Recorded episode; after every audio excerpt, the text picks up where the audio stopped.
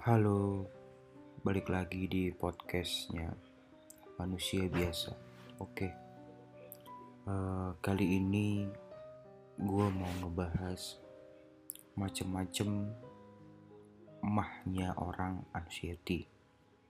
Oke, waktu itu setelah gue anxiety, bukan setelah sih namanya, apa ya, berbarengan dengan anxiety, muncul yang namanya itu panas di dada sampai ke tenggorokan.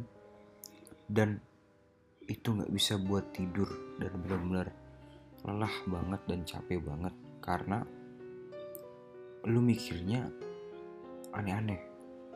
Padahal itu cuma namanya GERD. Nah di sini gue mau ngasih tahu GERD. GERD itu ada hubungannya dengan esofagus nah esofagus ini itu kan ada hubungannya sama hormon kolesterol. Kenapa gue bilang seperti ini? Ketika lu stres atau anxiety nyemprotlah asam lambung lu dan akhirnya hormon kolesterol pun keluar. Yang di mana hormon kolesterol itu hormon yang disebabkan oleh serotonin di mana keadaan lu lagi stres. Oke? Kenapa gue bilang orang anxiety bisa stres? Ya karena lu mikir ini sakit parah dan ini lu mikir bener-bener membuat lu ya bisa mati lah. Padahal enggak kok. Serius enggak. Nah untuk GERD ciri-ciri GERD itu menurut gue yang pertama nih. Eh ada rasa begah perut dan naik cairan ke atas yang panas sampai benar-benar terbakar dada lu.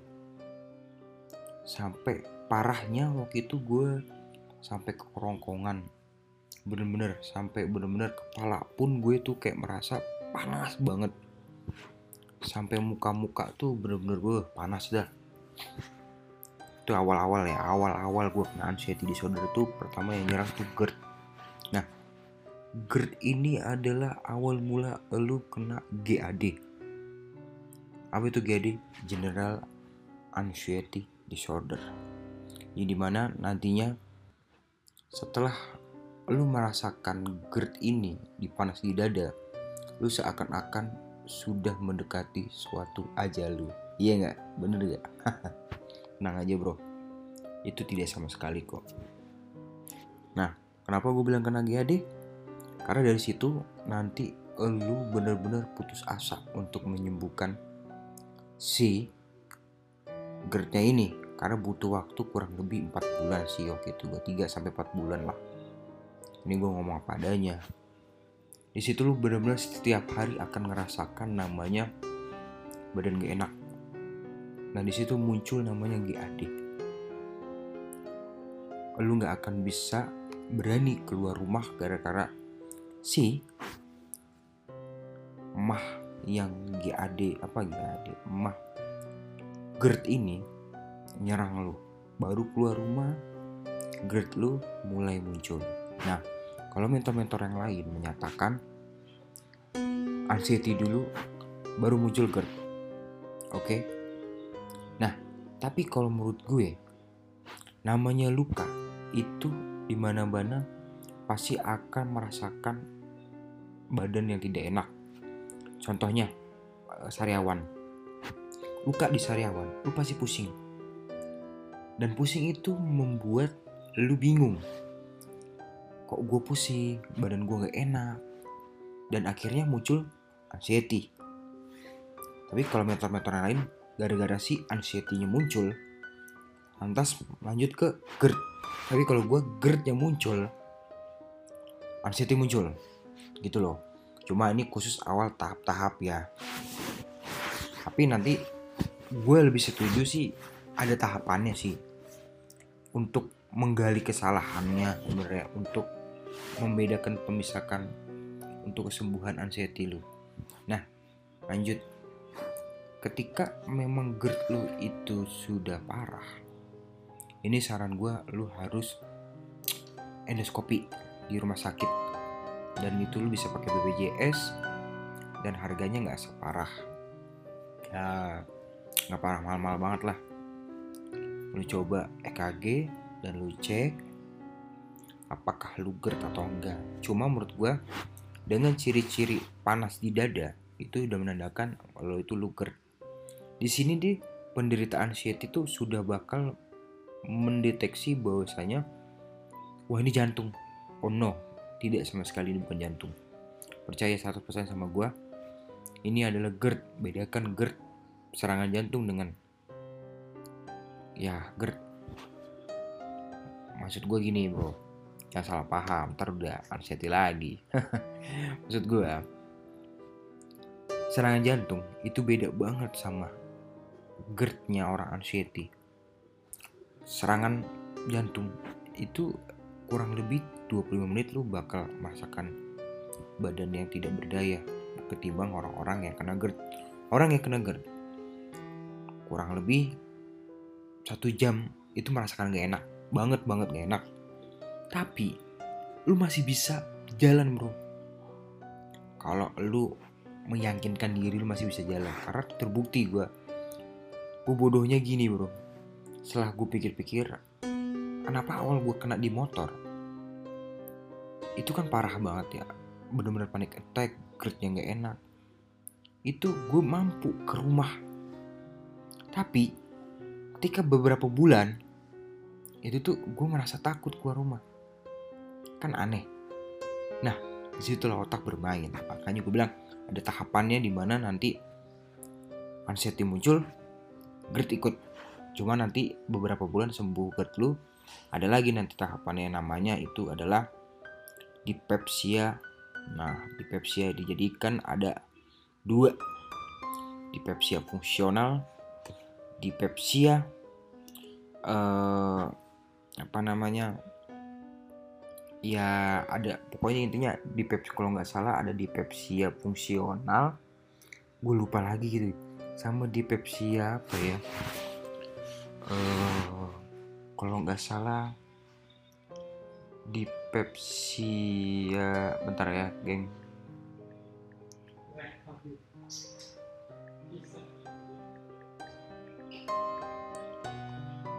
Oke, jadi ada dua yang ada di uh, apa namanya setelah GERD itu akan muncul namanya dipepsia fungsional dan dipepsia organik. Dipepsia organik itu ada luka di perut lu seperti sariawan, jangan takut.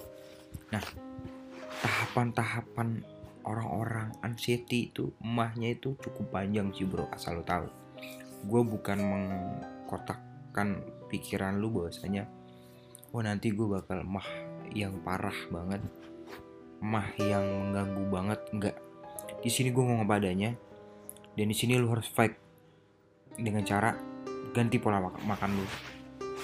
Yaitu berdasarkan jam bukan berdasarkan lapar. Makan 4 jam sekali dan makan kalau bisa menghindari tepung yang naiknya asam lambung susu. Waktu itu gue susu coklat gak masuk kopi pun gue berhenti ngerokok masih cuma ngerokok tuh nggak terlalu lah gue nggak ngerokok banget lah pada itu pada saat itu sih. Nah oke lanjut ke GERD GERD itu uh, biasanya itu salah satunya faktor ada esofagus di mana esofagus lu tuh agak kebuka sedikit jangan panik bro. Itu bakal tertutup sendiri kok. Karena menurut uh, mentor Eric Bowo itu dia bilang kalau badan itu bisa menggeneralisasikan dirinya sendiri atau membenarkan dirinya sendiri di saat di mana tubuh lu di keadaan nyaman, tenang, dan santai. Tapi kan orang-orang anxiety ada tahapannya ketika lu mau mau tenang. nah, apa namanya? Waktu itu langkah-langkah gue di saat gue kena GERD itu yang gue lakuin dengan kuncinya gue coba minum kalau nggak kunyit sama temulawak kurang lebih gue dua satu setengah bulan sih sampai dua bulan lah mengkonsumsi itu. Tenang bro. Jangan percaya dengan omongan orang-orang tentang herbal menurut dalam Al-Quran agama gua surat As-Sabah itu menyatakan bahwa semua penyakit itu ada obatnya. Dan obatnya itu adalah diturunkan oleh Tuhan kita. Yaitu tergan ada di alam. Seperti halnya kunyit temulawak gitu. Nah kalau gue lebih milih pada saat itu sih walaupun gue pernah ke dokter kurang lebih gue ke dokter tuh dua dua sampai tiga kali lah. Dan itu merasanya itu luar biasa. Benar-benar luar biasa. Ya udah gue konsumsi obat itu selama dua minggu. Kok gue nggak sembuh sembuh di sini ada muncul pertanyaan lagi. Kok gue nggak sembuh sembuh nanti gue bahas ya nanti. Ini gue cuma hanya bagaimana solusi lu buat sembuh dari mah. Oke. Nanti itu ada tahapannya oke. Lanjut. Nah langkah awal menurut gue coba lu makan 4 jam sekali. Makannya nih ya kalau bisa ganti nasi putih. Lo menjadi nasi merah. Ini kalau yang belum apa ya kalau yang uh, penghasilannya standar untuk memenuhi kehidupan ya udah ganti uh, kalau bisa ganti kentang lah gitu nggak apa-apa. Ya kan?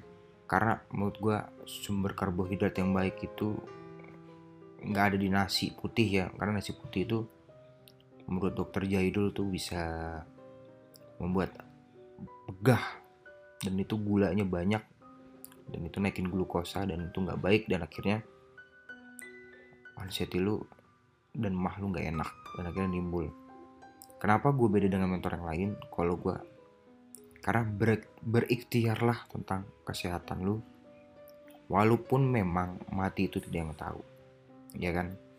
Cuma alangkah baiknya berikhtiarlah. Jangan pasrah total dalam arti berikhtiar. Pasrah total boleh berikhtiar tapi oke okay, pasti. Itu loh maksud gue.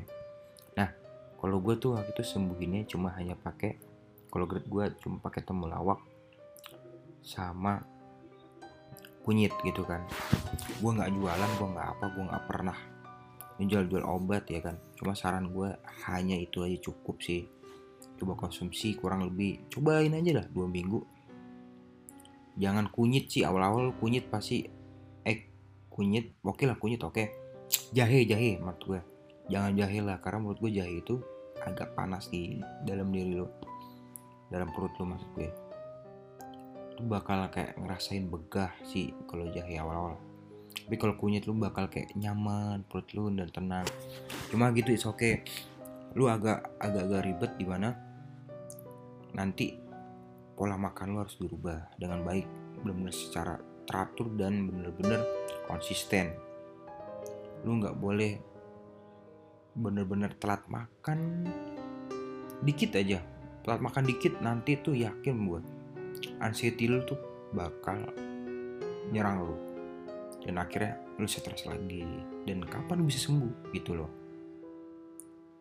Nah satu lagi, jangan menggerakkan diri. Walaupun semua judul YouTube di anxiety dan GERD, anxiety dan GERD, percaya sama gue. GERD itu ada ciri-cirinya, yaitu adalah panas di dada sampai ke kerongkongan. Dan itu ada hubungan dengan esofagus. Untuk lo mengecek ke dokter, coba minta dokternya, dok saya mau de endoskopi. Karena apa? Dia bilang dokternya.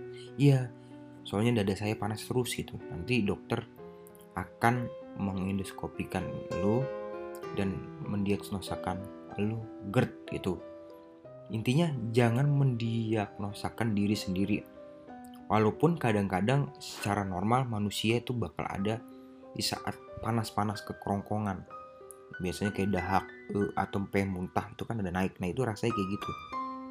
Cuma itu kan nggak setiap hari ya kan? Tapi kalau orang yang GERD itu kurang lebih berjam-jam ya kurang lebih setiap hari itu dia merasakan itu. Cuma kalau orang-orang yang normal kan ya udah ya dalam seminggu cuma satu kali dua kali itu itu loh. Intinya gue di sini cuma ngasih tahu kan lo bedakan anxiety dan GERD dulu.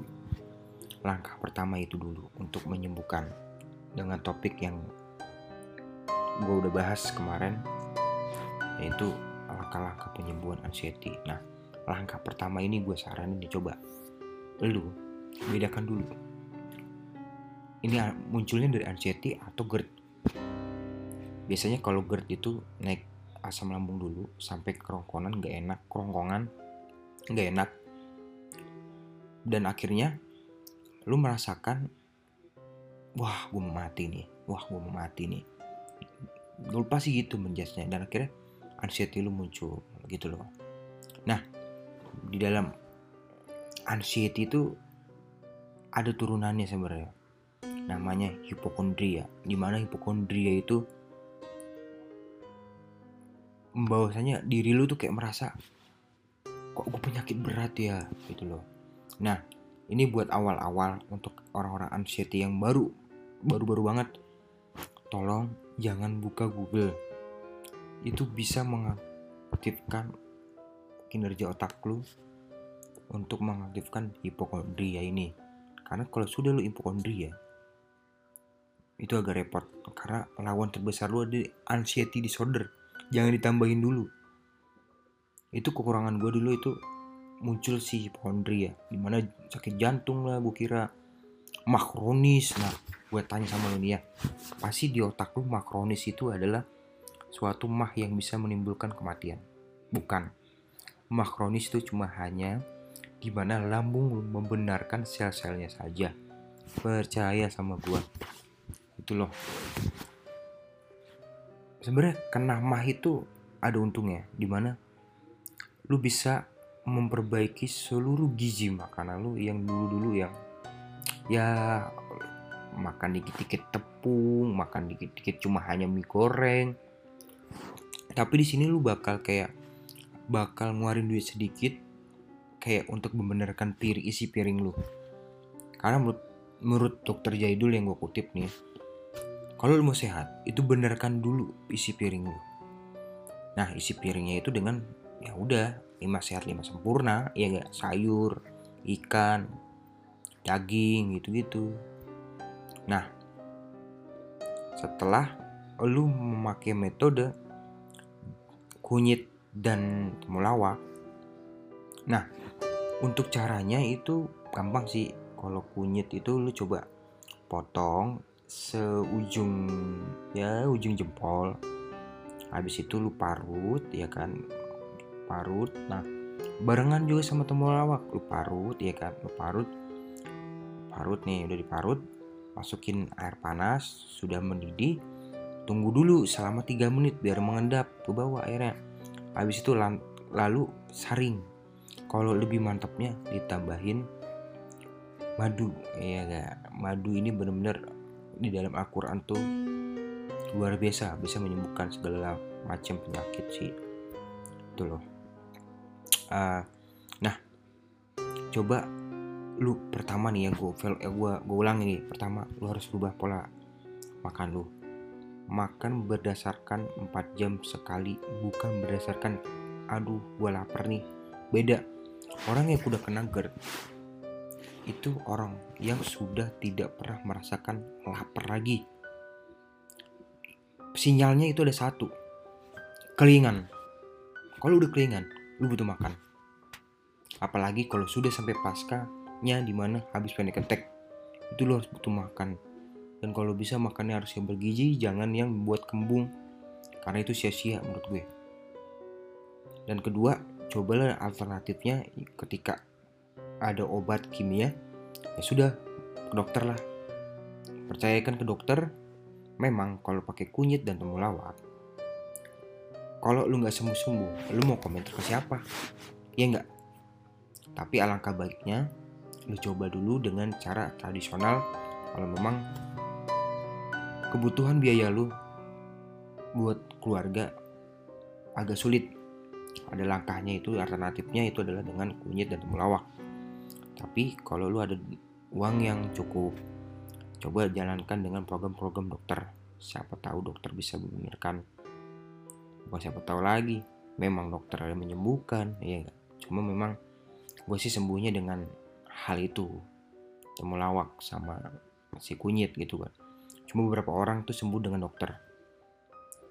Di luar sana tuh sembuh banyak banyak GERD sembuh gara-gara dokter. Mau kalau gue ya udah ganti pola makan.